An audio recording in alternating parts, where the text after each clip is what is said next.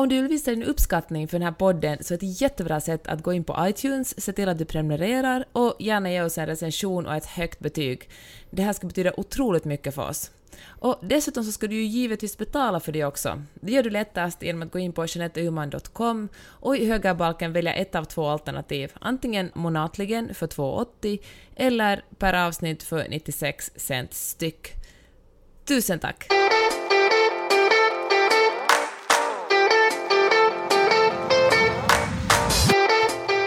Lyssnar på Magnus och Peppes podcast.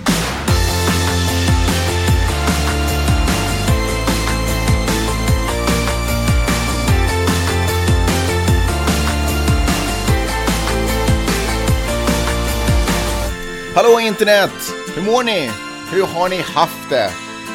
Full rulle kan jag säga att det har varit i Santa Monica, men först vill jag naturligtvis välkomna er till podcasten som heter Magnus och Peppes podcast. En, en liten vanlig podcast som pratar om de stora och de små händelserna i världen och vi gör det ur ett journalistiskt, mediegranskande och ett feministiskt perspektiv. Bredvid mig sitter min hustru tillika författarinna, eller förlåt, författare, journalist, eh, föreläsare och allt annat som är coolt och trendigt just nu. Jeanette Marie Öhman! Tack, tack så mycket. Tack Magnus. Själv heter du alltså Magnus Silvenius Öhman, också journalist, inte så mycket författare, ibland. En enstaka föreläsning har jag också hållit i mina dagar, ska jag säga. Men, eh, ja, mest känns, jag, känner- jag känner mig bara som en, eh, En make. ja, ett bihang. Eller vad heter den där delen som man kan operera bort i magen? Blindtarm. Levern. Den här familjens blindtarm, man kan väl inte operera bort levern? Det är väl inget bra? Försökte vara rolig. Jaha. Det gick sådär. Som ni säkert förstår så är det jag som kommer stå för humorn i den här, i den här podcasten och Peppe kommer stå för det väsentliga. Vi, fick, vi har fått recensioner och vi har fått stjärnor, vi, eh, uppska- betyg menar jag, försöker jag säga på iTunes, uppskattar det otroligt mycket. Bland annat så var det en som skrev att den här podd, Peppe får fem stjärnor i den här podden och Magnus får en stjärna i den här podden. Och då blev medelbetyget typ fyra stjärnor, och det stämmer ju. Så att, eller vänta, jag, var, liksom, jag är en minusstjärna då på något sätt. Tycker jag, jag vet inte varför du skrattar. Tycker jag var väldigt osolidariskt av dig.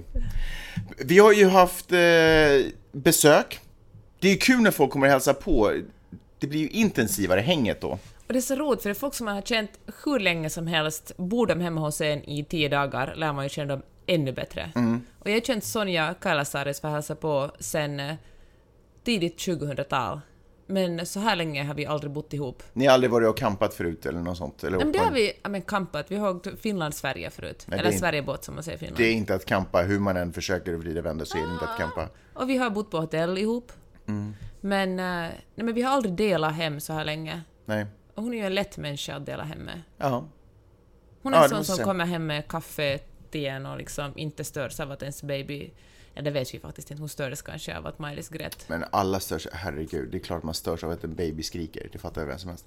Men otroligt roligt är det, men det som är intressant är att fast det är så otroligt roligt så sätter det naturligtvis press på, på ens vardag, för vardagen tickar ju på ändå. Eh, och, och effekten av det har ni naturligtvis märkt av och det var att fredagspodden uteblev. Och Ja. jag skrev till och med ett uh, ursäktande mail på, eller inlägg på Facebook om att den skulle komma under helgen. Men det var bara så hopplöst svårt att få till och jag beklagar det. Eh, men vi gör så gott vi kan. Vi gör ett riktigt fett avsnitt nu istället. Absolut. Ett sätt att göra det otroligt mycket lättare för oss att avsätta tid och inte prioritera så att säga riktigt arbete är naturligtvis att fortsätta betala in som ni gör. Vi uppskattar otroligt mycket det ni som redan gör det. Det, är, det hjälper oss jätte, jättemycket. Fortsätt göra det. Peppe sa det redan i början, men det tål att upprepas. JeanetteOhman.com och så gå in i högerbalken och lycka till. Kan man swisha förresten om man bor i Sverige? Eh, det kan man... Eh, kan, jag, vet, eh, jag har ju inte mitt svenska nummer aktivt så jag vet inte riktigt hur det funkar. Så säkrast är att göra det via Paypal. Och jag fattar, åh, jag har inte Paypal, jag vet inte hur det funkar. Get with the times. Gå in på paypal.com eller bara följ länken och lös det. Det är inte hjärnkirurgi. Största den här veckan naturligtvis hashtaggen metoo. Vi måste ju börja prata om det. Um, I sviten av Harvey Weinstein eh, katastrofen höll jag på att säga, men, men eh, anklagelserna så har ju så har kvinnor börjat visa sitt support. Ah, fan, alla fattar, alla vet vad det här handlar om. Är- Vi är ju en vecka sena för guds skull. berätta. Eh, I Sverige, Cissi Wallin gick ut med ett Instagram-inlägg där hon namngav en mannen som hade våldtagit henne för flera år sedan, nämligen Fredrik Virtanen som är en otroligt stor profil på Aftonbladet. Eh, för det första, var det rätt att namnge henne? Honom? Av Cissi Wallin? Mm. Det har hon väl all rätt i världen att göra? Att gå ut och säga, varför ska hon hålla hans namnet på en person som har våldtagit henne hemligt? Ja, nej, alltså, ja. Ja, så absolut rätt att hon gick ut med hans namn tycker jag. Läskigt ändå, för som journalist så vill man ju hålla...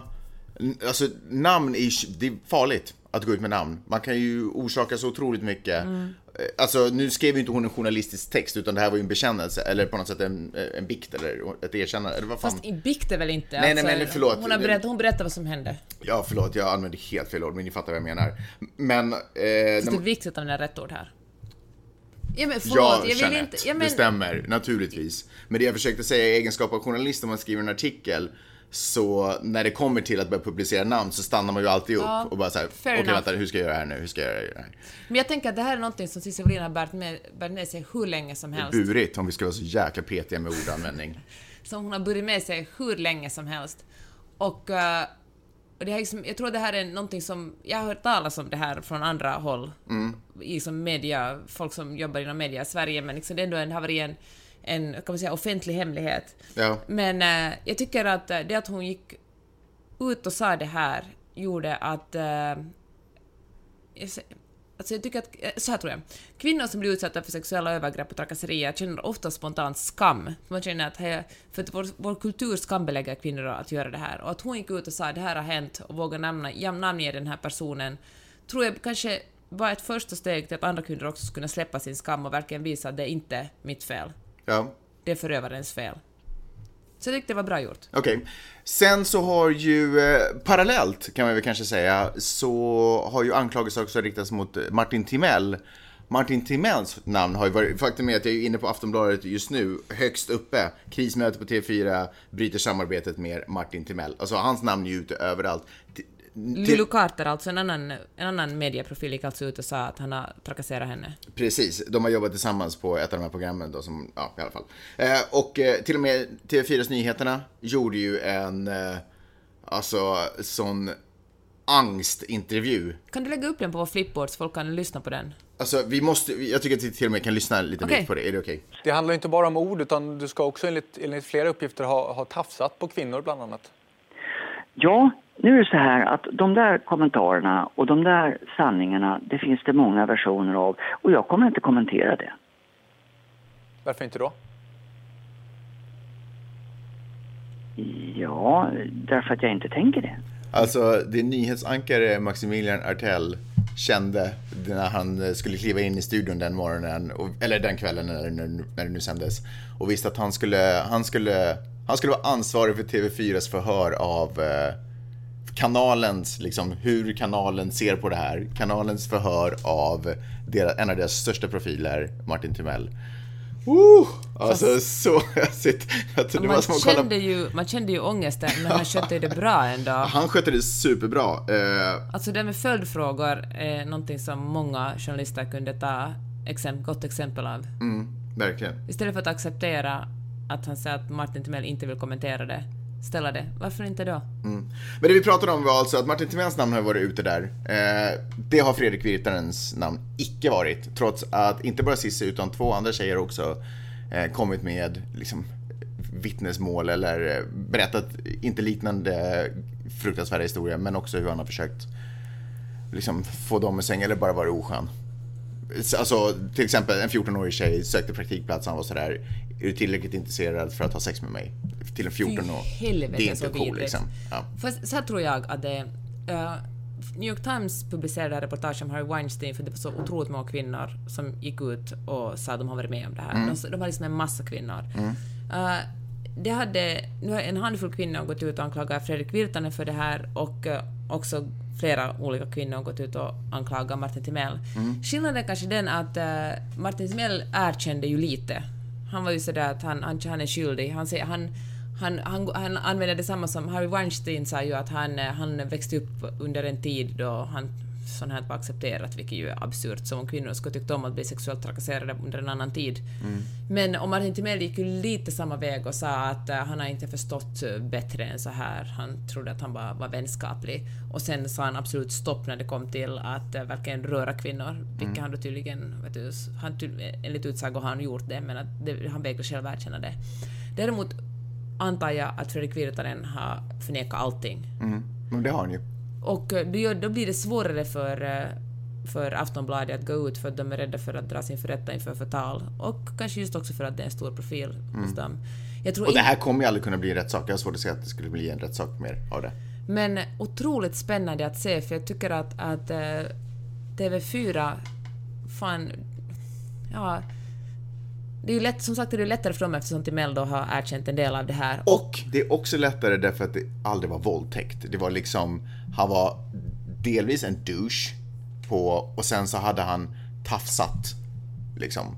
Det var, du vet, det är inte våldtäkt. Det är inte bra, det är inte trevligt. Straffet är helt liksom befogat. Men Virtanen står ju för, det här är inte, det här är inte kriminellt beteende. Det Martin Timell har betett, eller liksom gjort. Eller? Är det det? Nej, det är det väl inte. Mm, Får ta in en advokat. Ja. Men åtminstone så det Fredrik Virtanen är anklagad för är ju kriminellt. Det är ju kriminellt. Ja. Det var, jag läste en, en att, ja fan jag vet, att jag tänker att, fan, vet du vad, jag tycker nog att Aftonbladet kunde skriva att han är anklagad för det här.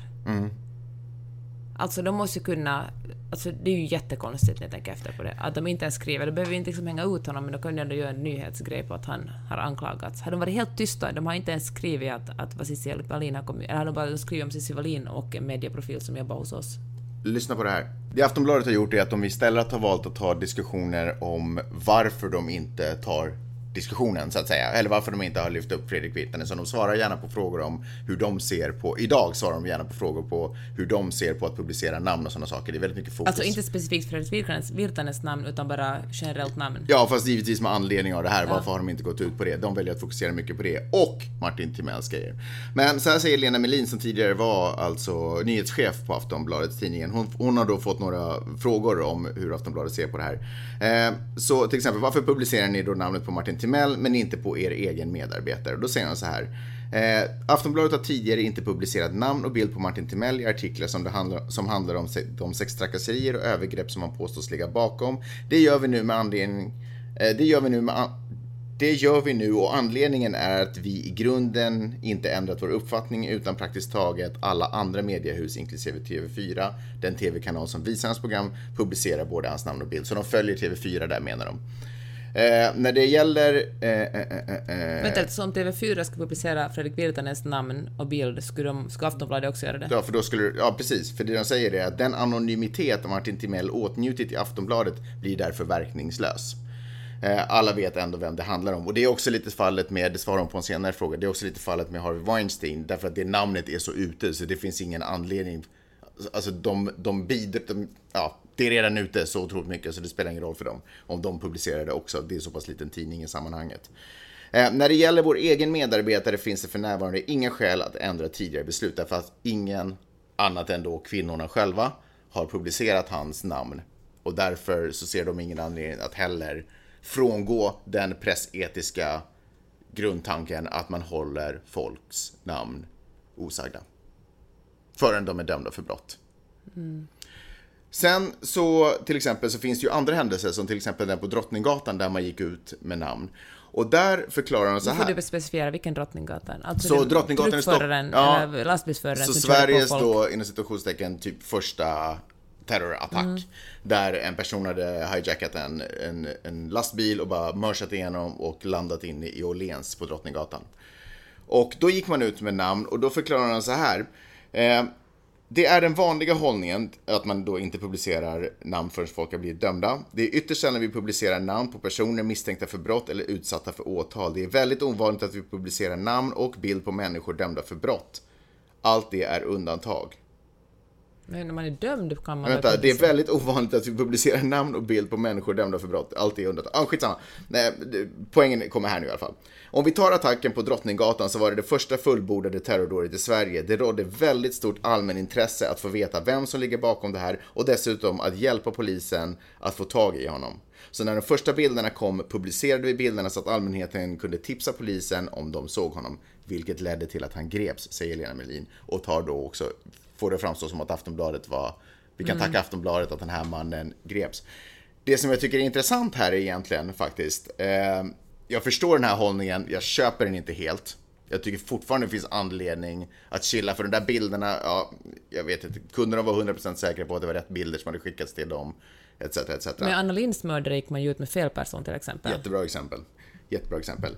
Det som jag tycker är intressant här är eh, att det rådde ett väldigt stort allmänintresse att få veta vem som ligger bakom det här och dessutom. Så det Aftonbladet gör nu är att de gör bedömningen att det finns inget allmänintresse att veta att Fredrik Virtanen är den som är anklagad för våldtäkt. Men däremot så finns, fanns ett stort eh, allmänintresse för terrordådet.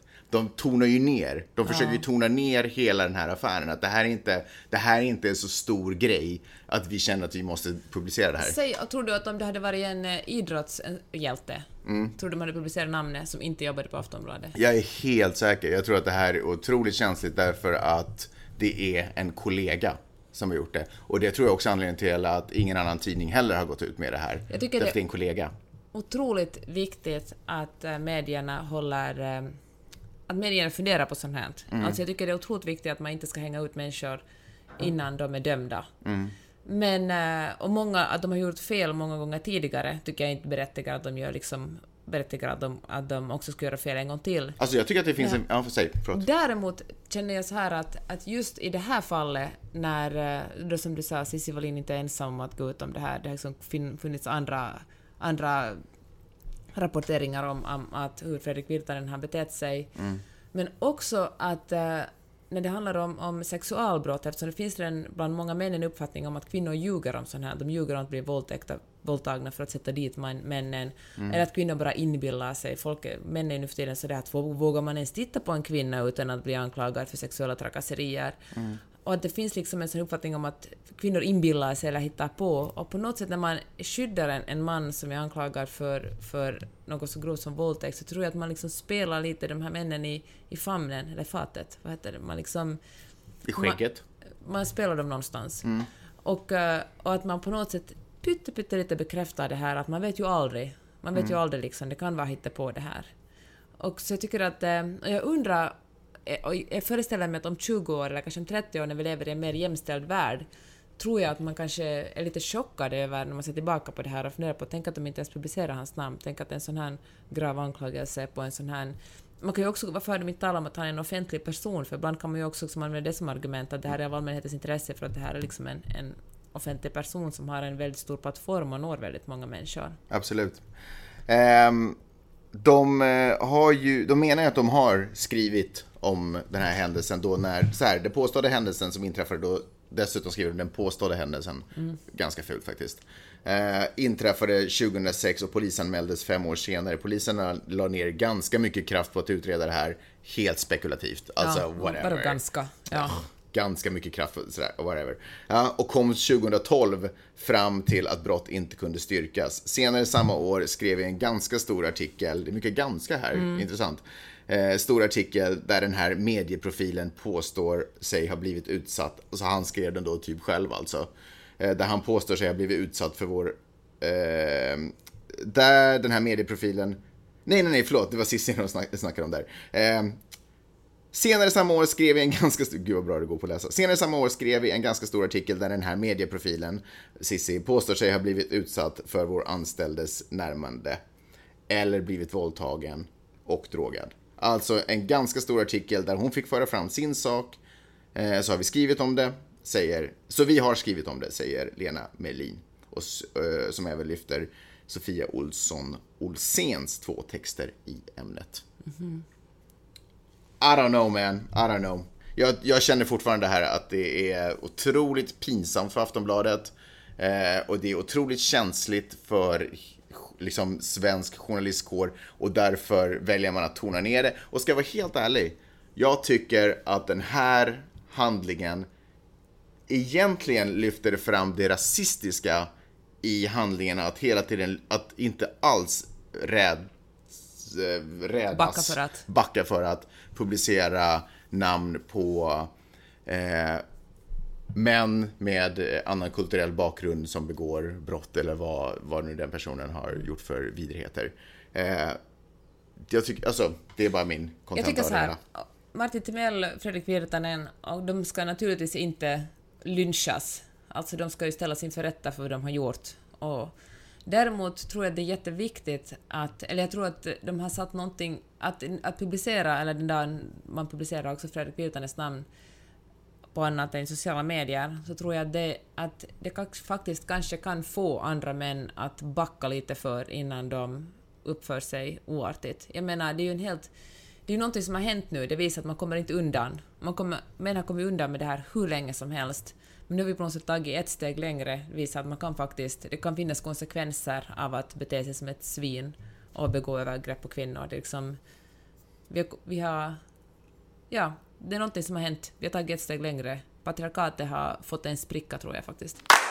Lite mer fokus på hashtaggen metoo då, alltså sviterna av Harvey Weinstein, ni vet hela den grejen. Eh, kvinnor som visar sitt stöd för andra kvinnor genom att också berätta om saker de har utsatts för. För att bara belysa magnituden av hur, eh, hur det ser ut. Alltså av magnituden av eh, trakasserier och hur män beter sig. Ja, berätta Peppe. Det finns otroligt mycket att säga om det här, men jag tycker också att en... Men det viktigaste är kanske det att visa hur enormt det här problemet är. Att det verkligen inte är någon enstaka person som har råkat ut för det här, utan att det verkligen är så att säga varje kvinnas vardag. Och jag tror att det också är så här att det... Så du tycker att det är en bra grej? otro- jag tycker att metoo-kampanjen är en bra Men berätta, kampanj. varför har du inte skrivit någonting under hashtaggen metoo? Jag har det, Har du det? ja. Har du Både erkänt på saker? bloggen och på... Jaha, förlåt. Eller, eh, fan jag tycker inte om att säga erkänt saker. Jag menar, det är liksom inte en bekännelse. Fast, ja, men vad ska man säga då? Vad är ordet då? Rapportera kanske. För, men Mm. Okej, liksom vikta eller bekänna det på något sätt som man skulle ha varit själv begått någonting. Ja, nej men det är ju inte meningen förstås. Eh, Men okej, Sen tycker jag faktiskt inte heller att det är alla kvinnors skyldighet att man kan skriva metoo och sen utan att behöva gå in på detaljer. För det första kan det vara väldigt traumatiskt för många. Jag tror att många av oss försöker glömma det. Och att det är så van... För jag kände så här först, har jag verkligen blivit utsatt om det här? Jag har förresten skrivit om livet och patriarkatet också, som du skulle läsa mina böcker någon gång skulle du veta att jag det är lite skillnad. Det här är ju en, det det här är en, det här är ju en kampanj nu. Men, eh, men jag tror, som sagt tycker jag inte man kan kräva att det liksom sätta ännu mer krav på, krav på kvinnor att säga att nu vill jag höra en detaljerad berättelse om exakt allt det utsatts för. För det första tror jag att kvinnor vill glömma det här, det kanske är traumatiskt, Mm, man vill inte ens ta jag. upp det. Sen tycker jag att de som har gått ut och berättat om sådana saker, det är otroligt värdefullt att de har gjort det. Men, eh, så det är liksom tack alla ni som har gjort det, men som sagt är det inget... Folk gjorde det på min blogg förresten också, Ska vidriga berättelser. Mm. Liksom, så fruktansvärt. Och, att- men jag tror det viktiga är det här att man, som vår kultur har på något sätt uppfostrat oss i att bara vifta bort det och liksom normalisera det.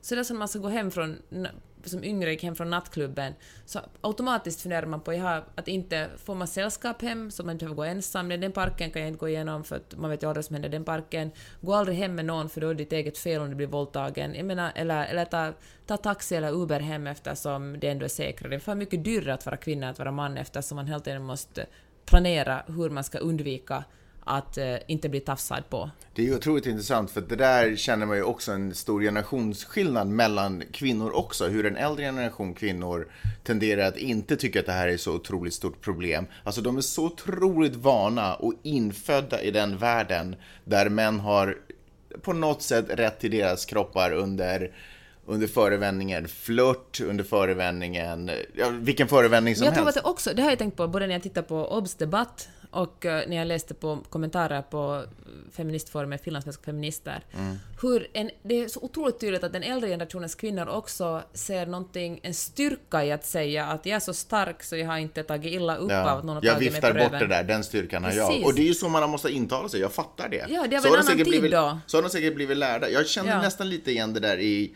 Jag är ganska säker på att min mamma till exempel inte upplever sig ha blivit liksom kränkt eller något sånt, på något sätt under sitt liv. Och jag kan också känna igen hur min mormor pratar om liksom hennes, liksom hur hon det är viktigt för henne att visa att man är stark. Liksom. Män är män, de är djur, de beter sig skit. Jag är stark, jag står över det där och bara viftar bort det och låter inte det vara en del av mitt liv. Eh, så, så männen blir aldrig tvingade eller tvungna att ta tag i Exakt situationen. Liksom. Och det finns också en sån här cool girl-stämpel liksom.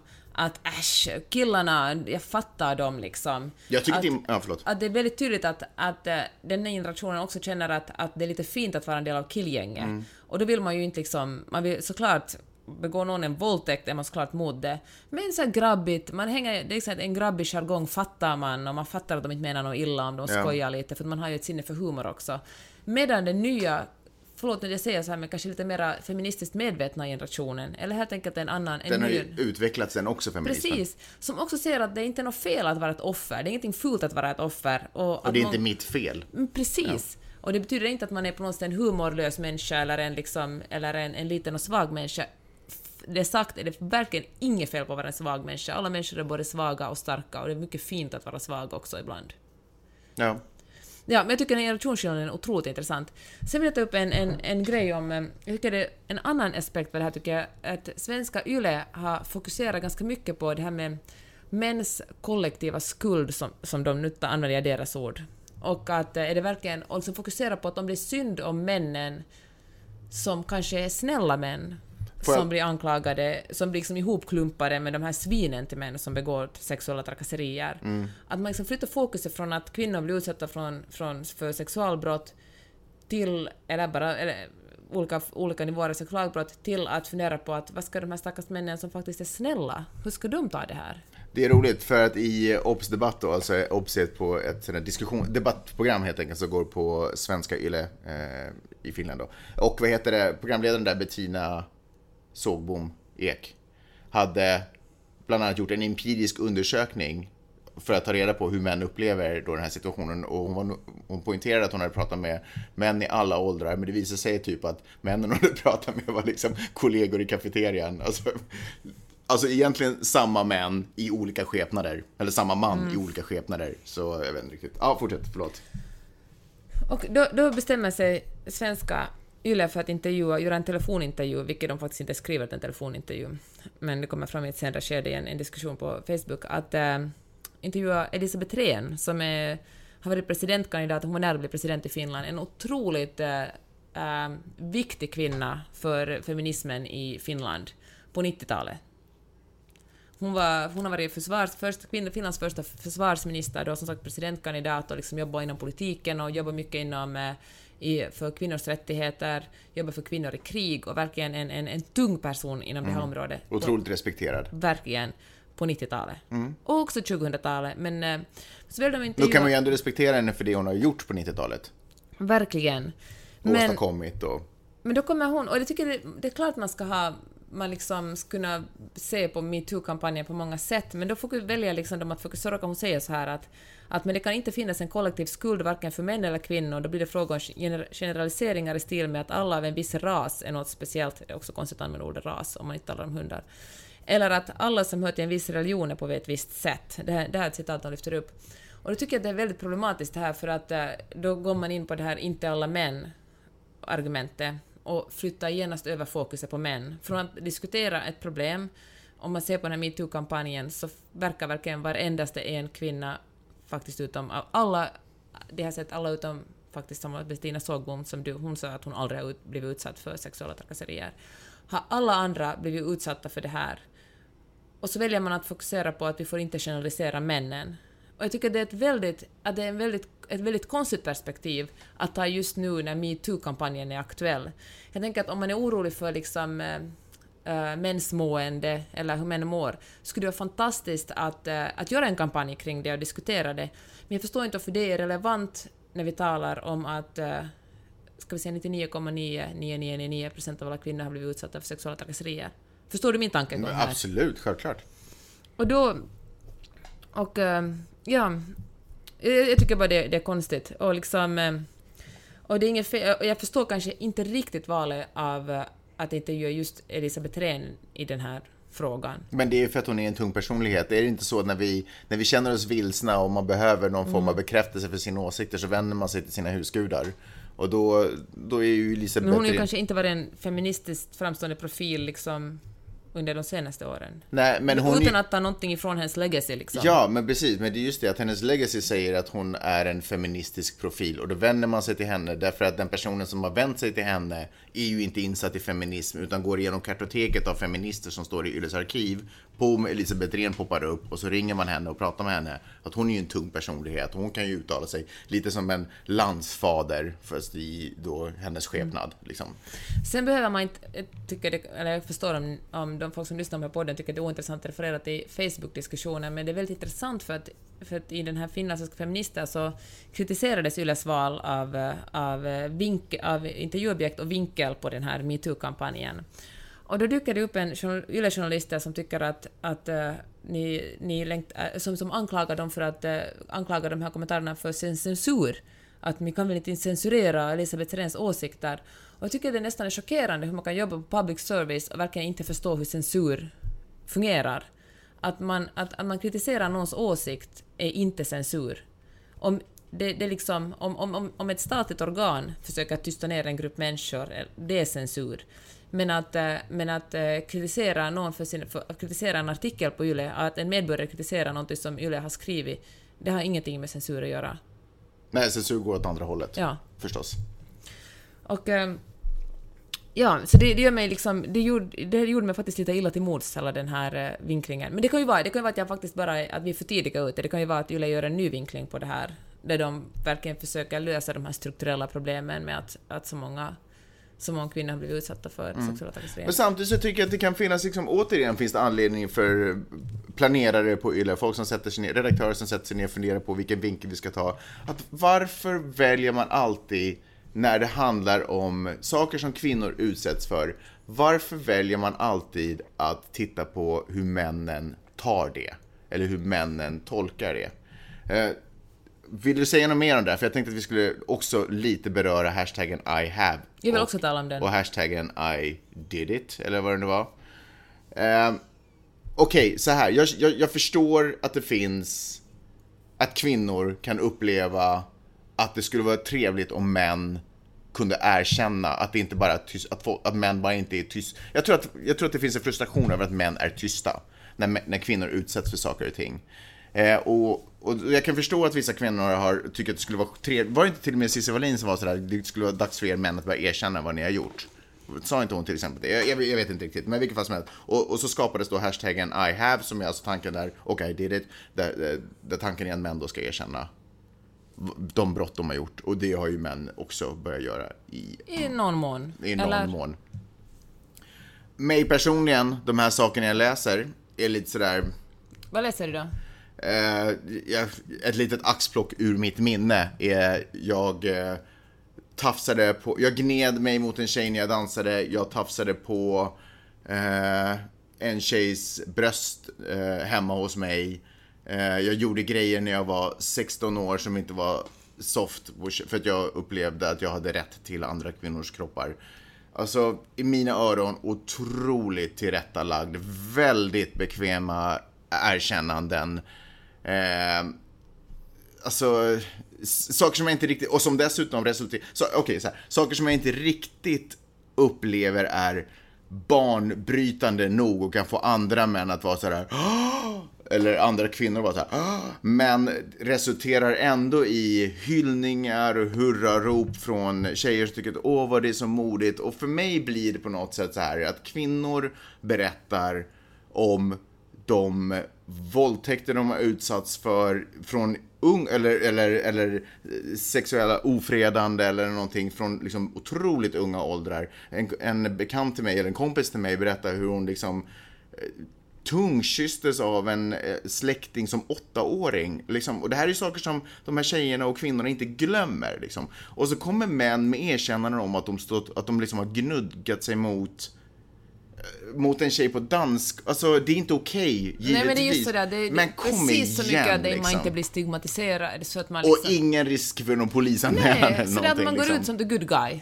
Men Exakt. visst är det ju lite det, man går ut Men verkligen. Och då tycker jag så här, när det finns det här havet av fruktansvärda berättelser, så verkar det ändå som, eh, som om, så måste ändå männen ta tillbaka, fan okej okay, så här Ah, jag har så mycket frustration i min kropp just nu. Det här, så här lät det på Nyhetsmorgon Eh, ganska strax efter att den här uh, hashtag I have och alltihopa drog igång.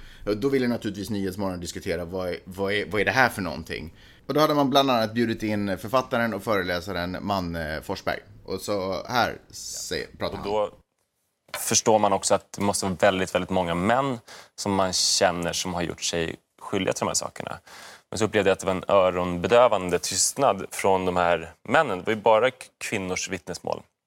Och att jag, att jag ville liksom höra den andra sidan eh, också. Berätta om, om saker. Och då, det, det, det finns ju dels det som är de tydliga övergreppen. Och det här tycker jag är så otroligt sa- intressant. Att det sitter en man och läser kvinnors berättelser men känner ändå att han bara måste höra någon man prata också om det här.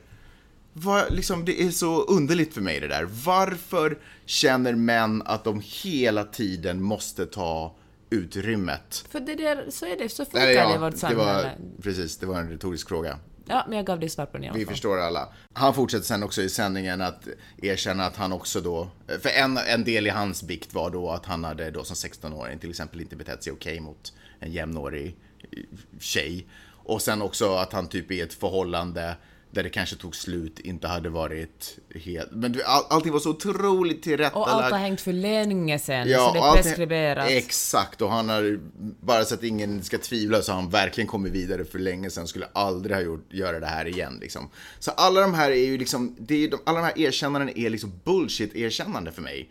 Och det är bara ett utrymme, eller det är bara ett tillfälle att stjäla utrymme från vad det är som egentligen pågår. Men jag tänker så här, det är liksom ehm, det här att, att, som jag var inne och snusade på redan, att hänga ut till Mello och Virtanen, visst är det viktigt, men, men jag tycker att ännu viktigare är faktiskt alla de här männen som är med, är med och upprätthåller det här systemet. Alla som tittar åt annat håll när kompisen kallar, kallar en, en tjej på krogen hora, eller en kollega hora. Alla som, eh, som inte riktigt som tycker att det kanske är lite skumt det som pågår på efterfesten, men det är fan så jobbigt och man vill liksom inte ställa till med en scen och inte säga till. Eller som skrattar när någon, när chefen drar sexistiska skämt för att det är ju ändå chefen. Jag menar, alla män som är och upprätthåller det här systemet, de hjälper till att eh, det är liksom, de är medskyldiga, fan fucking, det är kollektiv skuld, de är medskyldiga i att kvinnor blir tafsade på och våldtagna och att det liksom, och att de här männen, och att de här männen aldrig blir, eh, aldrig får sitt straff. Exakt, för det spelar ingen roll om du är god och du är världens snällaste och skönaste snubbe. Om du inte använder tillfället att tillrätta en av de här taskiga snubbarna, korrigera den personen, då låter ju du den person, då ger ju du den personen tillfälle och möjlighet och, eh, Men det upprätthåller systemet. ja precis, och mandat att fortsätta sitt beteende. Så, och du vet ju inte om den personen är våldtäktsman eller vad det än är. Så bara det faktum att du inte har stoppat eller du inte har varit vaken, att du inte har sagt någonting, gör ju att den personen kan på, fortgå sitt, eh, vad den nu ägnar sig åt. Hens är du medskyldig. Lika medskyldig som om det pågår en mobbning framför ögonen och du inte säger stopp eller kliver emellan eller tjallar eller gör vad som helst. Så är du ju precis lika medskyldig. Och då är ju alla då, därför är det ju helt absurt att hålla på och prata om kollektiv skuld eller... Men eller jag kan säga så här, vi, håller, vi, samma sak, vi har, bär ju också på en kollektiv skuld att upprätthålla en strukturell rasism i vårt, i vårt samhälle. Verkligen. Om man tillåter eh, en, eh, att, att, om man tillåter folk att använda en ordet om man själv använder sig av det, så då, då är man ju en av dem. Absolut, då är man ju en av dem som ser till att, som tillåter människor med vita skjortor och gröna slipsar att marschera på gator med eh, plakat som förespråkar nazism. Eller man alltid när man delar en GIF råkar det vara en svart typ som gör något roligt. Ja, exakt. Man är också, det kan vara världens minsta grej, man är ändå en del av det. Men då måste man bara tänka, hur kan jag bli en bättre människa istället för att dela en hashtag not all whites? Ja, Det är ju exakt det snubbar gör, de delar upp not all men. ja. Jag menar, man, man, man istället för att säga jag är god så funderar man, kanske jag ändå en delaktig av det här systemet, för ingen människa är en ö. Vi är, liksom, vi är inte isolerade enheter som bara som passerar varandra som fucking skepp i natten, utan eftersom vi lever nära på varandra så är vi med och upprätthåller vissa system, däribland patriarkatet och den strukturella rasismen. Och jag tycker på riktigt, seriöst, journalister måste börja ta sig i kragen och inte bli så jäkla nervösa bara för att vi har ägnat 20 minuter att snacka, eller bara för att vi har ägnat 20 minuter av sändningstid eller, eller tidningsutrymme till att kvinnor får berätta och prata och uttrycka sig. Behöver inte bli nervös och sen bara måste på något sätt kompensera genom att ha män som pratar om hur de upplever Eller tro att man är å ena sidan och andra sidan. Vi vet hur män upplever saker och ting. Vi läser om det alltid annars. Vi ser om det alltid annars. Varenda program du ser på TV är resultat av en mans hjärnarbete ungefär. Vi vet hur män ser på saker och ting. Vi behöver inte vara oroliga. Det kommer inte gå dåligt för män. Män som, som, som grupp kommer aldrig att liksom falla eller ligga i slammet för att kvinnor berättar om vidriga händelser som de har utsatts för av män.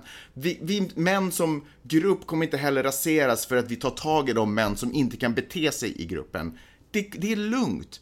Och vi vet att du har gnidit, jag vet att jag har gnidit mig mot tjejer på dansgolv. Vi vet att du har gjort det, du behöver inte hashtagga det. Vi vet det. Det vi verkar ha problem att förstå och inse, det är vad kvinnor på riktigt utsätts för. Och det kan vi, tycker jag, att vi kan, då tycker jag att vi kan ta tillfället i akt, håll käften, lyssna, fokusera på vad kvinnor och sluta komma med dina 16 års synder. Ingen bryr sig. Lyssna på vad kvinnor som var 8 år berättar om vad som hände dem då. Lyssna på vad som hände kvinnor när de var 15, 16, 17, 18, 19. Hela vägen upp till freaking 100. Det är jag helt säker på. Sen att den äldre generationen inte upplever det på det sättet. Men den yngre generationen ska åtminstone inte, också när de är 80-90, behöva vittna om sexuella trakasserier. Det kan liksom bara sluta nu. Och det faktum att du har hashtaggat betyder ingenting om du inte när verkligen saker och ting händer kliver upp, kliver emellan, säger ifrån, tar någon i nacken. Då är det helt skitsamma om du har hashtaggat I have och I did it, om du faktiskt inte gjorde någonting. En sak till. En sista grej på det här ämnet, sen så måste jag tycka att vi också ska prata lite om Tom och Finland som hade premiär i Los Angeles i, i fredags. Eh, Obs debatt, den här debattprogrammet som vi pratade om lite tidigare, inledde egentligen hela, hela sin eh, diskussion genom att programledaren lät alla deltagare, eller frågan var så här, hur definierar du sexuella trakasserier? Så man ägnade en del av programmet åt att liksom folk, deltagarna fick liksom ge sina egna definitioner av sexuella trakasserier och för mig är det helt upp och ner. Det var förresten Patrik Geijer som var en av fyra gäster. Han sa ju så här att alltså jag, faktiskt, jag skriver inte ordböcker, så det är inte min sak att definiera det. Alltså med andra ord, kan vi slå upp det här i en ordbok och sen börja diskussionen? Exakt. Exakt, precis. För om man inleder en debatt och låter premissen vara helt lös, då vet jag inte ens vad man snackar om in the first place, om man ska vara helt ärlig. Men för det andra, att ge intrycket av att definition är upp till tolkning. Det är ju liksom, det är ju exakt det som gör att... Men det är det som Martin Timell säger, att han, oj, om någon, nu, om någon uppfattar det obehagligt när jag kallar den. Nej, det är inte alls samma sak, för det han gör är att han försöker smita från ett ansvar. Han försöker ju smita från en anklagelse, ducka den. Men det är, det till exempel Bettina gjorde, eller det, liksom, det programmet gjorde, jag ska inte lägga skuld på henne, för hon kanske möjligen inte skrev frågan, hon är ju bara programledare möjligen. Anyway, men det programmet gjorde i det där fallet var ju att man man signalerade att folk hemma, jag menar om det sitter fyra personer i studion och får möjlighet att ge sin egen definition av vad begreppet sexuella trakasserier, då betyder det ju det att du som sitter hemma i tv-rutan, eller framför tv-rutan förstås, och eh, tittar på det här programmet också har mandat att sitta och definiera vad som är sex-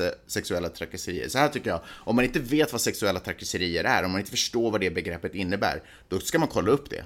Då kan man googla lite. Google är ett ypperligt verktyg för det. Och så googlar man och så försöker man hitta en, en, en trovärdig institution som ger en definition. Till exempel eh, RFSU. RFSU ger till exempel den här definitionen. Handlingar eller ord av sexuellt slag som gör, den utsatta, som gör att den utsatta känner sig kränkt eller illa till mods. Det betecknas som sexuella trakasserier eller sexuellt ofredande. Det är alltid den som utsätts som avgör var gränsen går för vad som är okej eller inte. Ett skämt eller en beröring kan vara ömsesidigt och välkommet, då är det inte tal om sexuella trakasserier eller ofredande. Men om skämtet eller beröringen inte är välkommet är det inte okej okay, och det kan vara ett brott. Boom! Och sen kan diskussionen börja. Däremot tycker jag förresten att man skulle in in inkludera också um, icke cis-personer, alltså transpersoner och icke-heteros och hbtqi och fun folk som är liksom funktionsnedsättning och uh, ja, i metoo-kampanjen. Ja, vadå? Ja, du börjar prata om någonting annat nu? Nej, men det slog mig att vi har talat om kvinnor och män och männen har varit ja, så bara ska helt vara... sex, äh, heterosexuellt normativa. Ja, men jag tycker att då liksom i den här, i den här gruppen kvinnor tycker man också kan äh, inkludera minoriteter. Mm. Ja. Jag ville bara få det sagt. Ja, mycket bra. Vi hade inte bara Sonja Kailasari här på besök eh, under veckan utan också skådespelaren Pekka Strang var här därför att hans film, Tom, hans, hans egna film, Tom of Finland hade premiär här i Los Angeles. Peppe, du var på premiären. Vad tyckte du om filmen? Jag tycker det var bra. Ja, du grät en skratt sa du.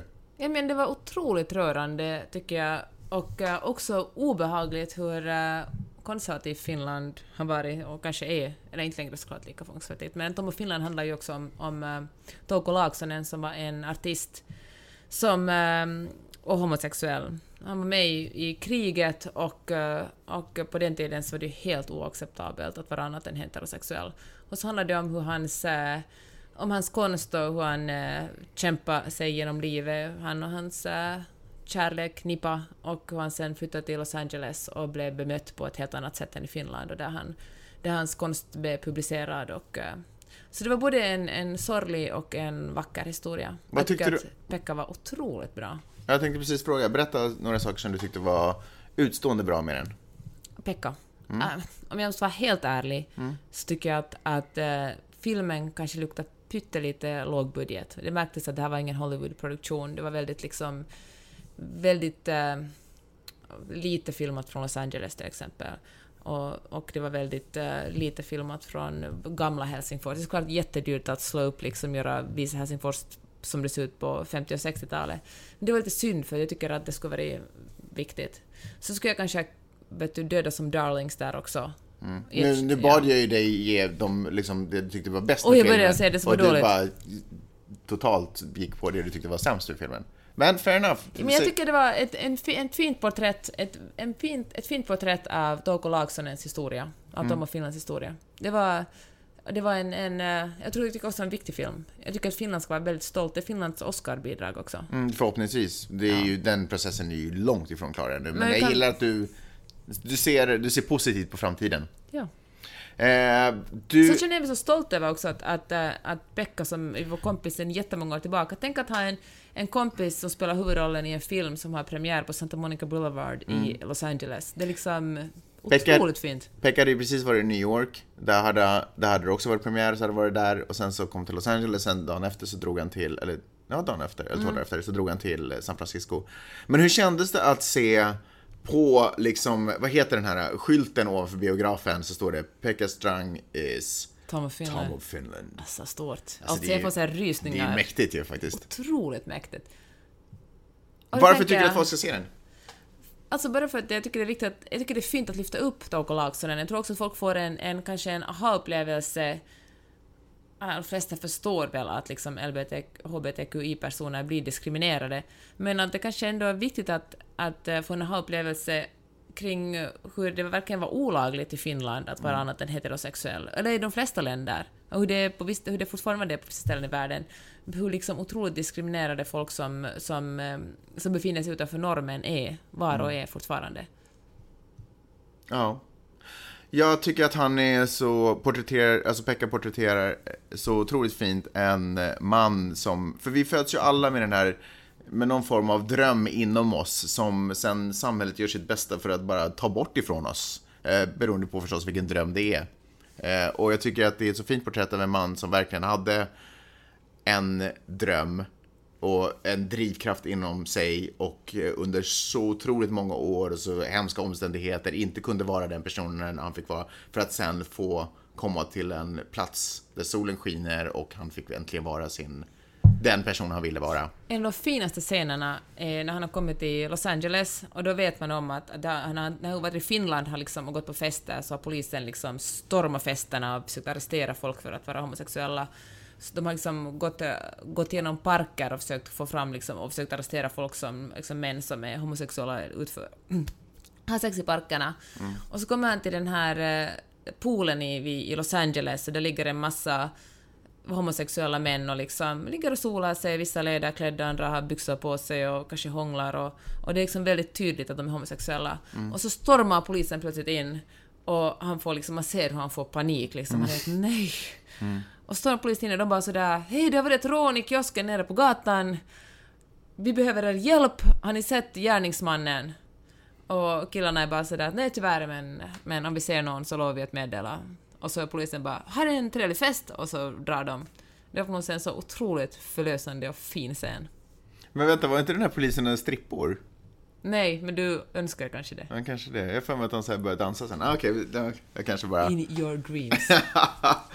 ja, nej men det finns anledning att inspireras av det. Eh, om, om du sitter och har en liten fågel inom dig, det är svårt att få den att, att flyga därför att man ska göra det och sen ska man göra det, sen ska man göra det, sen Kom ska till man Los göra det. Angeles! Ja, det är inte nödvändigtvis det jag säger, men eh, uppsök en annan miljö kan vara ett tips i alla fall.